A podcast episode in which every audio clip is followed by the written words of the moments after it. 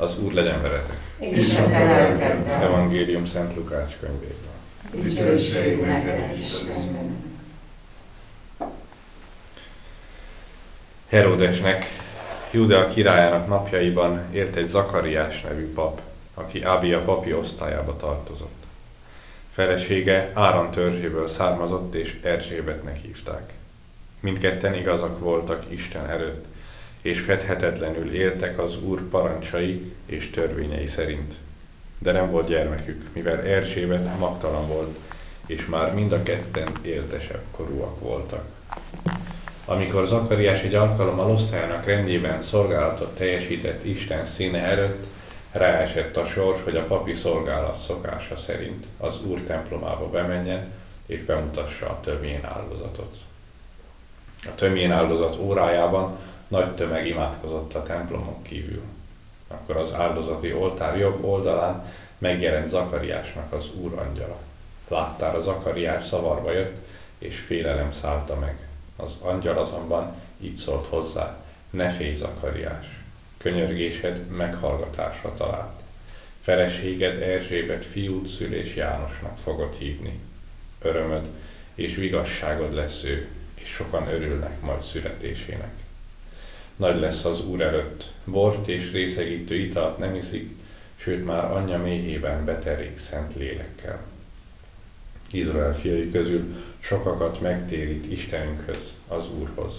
Illés szellemében és erejével fog színe előtt járni, hogy az atyák szívét a fiak felé fordítsa, az engedetleneket az igaz, igazak lelkületére vezesse, és az Úr iránt készségessé tegye a népet. Zakariás erre megkérdezte az angyalt, miből tudhatom meg mindezt, hiszen már öreg vagyok, és feleségem is éltesebb korú. Az angyal így válaszolt, én Gábor vagyok, az Isten színe előtt állok, aki azért küldött, hogy beszéljek veled, és meghozzad neked ezt az örömhírt. De mivel nem hittél szavamnak, amely majd valóra válik annak idején, megnémulsz, és nem tudsz beszélni a beteljesedés napjáig. A nép várta Zakariást és csodálkozott, hogy annyit késlekedik a templomban. Amikor pedig kijött, nem tudott megszólalni. Ebből megértették, hogy a templomban látomása volt. Intett nekik, de néma maradt. Mihály szolgálatának napjai elmúltak, hazatért. E napok után felesége Erzsébet méhében fogant, de öt hónapon keresztül eltitkolta.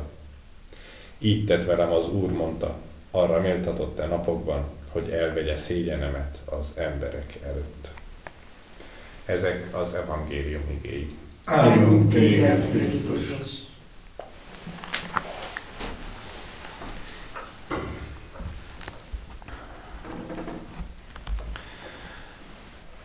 Advent első felében a utolsó időkkel foglalkoztunk, az utolsó időkről elmélkedtünk, az evangéliumoknak az utolsó részeit olvastuk.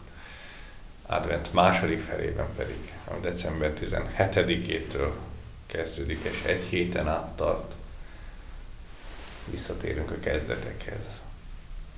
Tegnap előtt és tegnap Máté evangéliumának az első fejezetét olvastuk.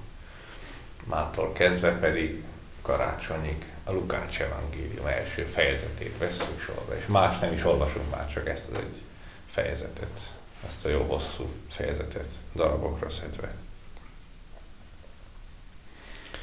És milyen érdekes, hogy Lukács evangéliuma az új szövetségnek a napjai, az evangéliumnak az ideje, az egy meddőasszonyjal kezdődik. Pont egy meddőasszonyjal.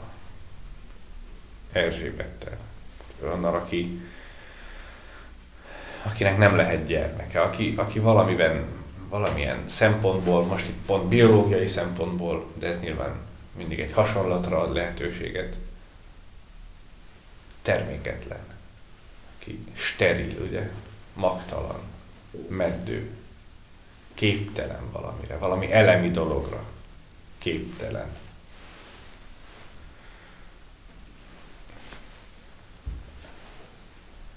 Loyolai Szent Ignász talán azt mondaná, hogy hát keressen meg az életemben hogy mi az, ami, amiben én vagyok meddő.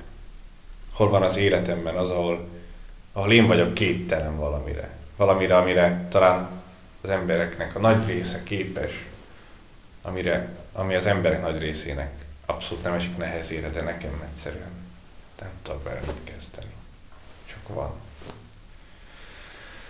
És akkor vigyem az Isten elé, és mondjam neki azt, hogy termékenyítse meg. Termékenyítse meg. Odaadom neki. És mivel az advent az egyben a hitnek a próbája is. A hit próbájának az időszaka.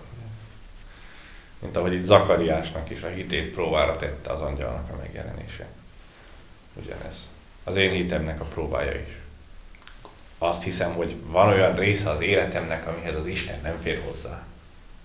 De azt hiszem, hogy van olyan része a lelkemnek, ami, amit az, ami az Isten nem érdekli. Egészen egyszerűen csak mondjam azt, kérjem azt. Istenem, termékenyítsd meg ezt a meddő részt a lelkemben.